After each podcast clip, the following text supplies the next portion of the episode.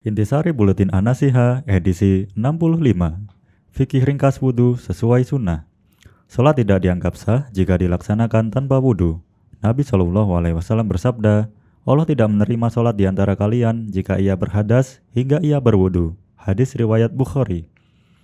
Tata cara wudhu Allah berfirman Wahai orang-orang yang beriman, apabila kamu hendak melaksanakan sholat, maka basuhlah wajahmu dan tanganmu sampai ke siku, dan sapulah kepalamu, dan basuh kedua kakimu sampai ke kedua mata kaki. Quran Surat Al-Maidah ayat 5 Yang pertama, niat. Niat merupakan syarat sah ibadah, karena amalan itu tergantung pada niatnya.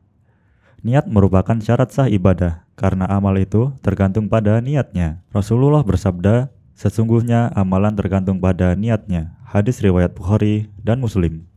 Yang kedua, membaca bismillah. Imam Ahmad menyatakan bahwa harus tasmiyah sebelum wudhu jika ingat. Adapun jika lupa, maka tidak mengapa. Jumhur ulama berpendapat tasmiyah sebelum wudhu hukumnya mustahab atau boleh. Syarh Jami' Tirmizi li Yang ketiga, membasuh telapak tangan tiga kali. Tujuan dari mencuci kedua telapak tangan adalah untuk membersihkannya karena keduanya merupakan alat untuk membasuh dan mengusap anggota wudhu.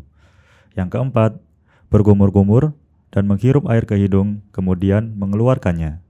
Disebutkan dalam hadis bahwa setelah mencuci telapak tangan, Rasulullah berkumur-kumur, kemudian al-intisyak atau menghirup air ke dalam hidung, dan al-intisyar atau menyemburkannya. Yang kelima, membasuh wajah tiga kali.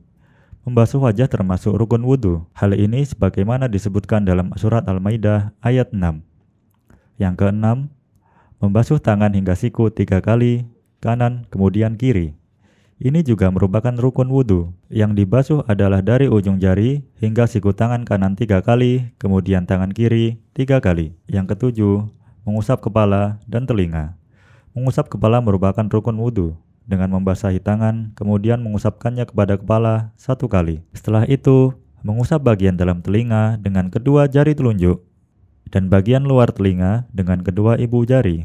Syarh Jami' Tirmizi Lirojihi. Yang kedelapan, membasuh kaki hingga mata kaki tiga kali, kanan, kemudian kiri. Membasuh kaki juga merupakan rukun wudhu dan batasnya adalah sampai mata kaki. Dilakukan dari kaki kanan tiga kali, kemudian kaki kiri tiga kali. Yang kesembilan, membaca doa setelah berwudu. Setelah selesai berwudu, disunahkan untuk membaca Asyhadu an la ilaha illallah wahdahu la syarikalah wa asyhadu anna muhammadan abduhu wa rasuluh. Fikih Muyassar. Hal yang perlu diperhatikan dalam wudhu. Anggota wudhu diperintahkan untuk dibasuh tiga kali, karena itu yang lebih sempurna. Adapun jika lebih dari tiga kali, maka tidak diperbolehkan, karena tidak ada dalil yang menunjukkan hal itu. Tata cara wudhu haruslah dilakukan berurutan, sebagaimana disebutkan dalam Al-Quran Surat Al-Maidah ayat 6.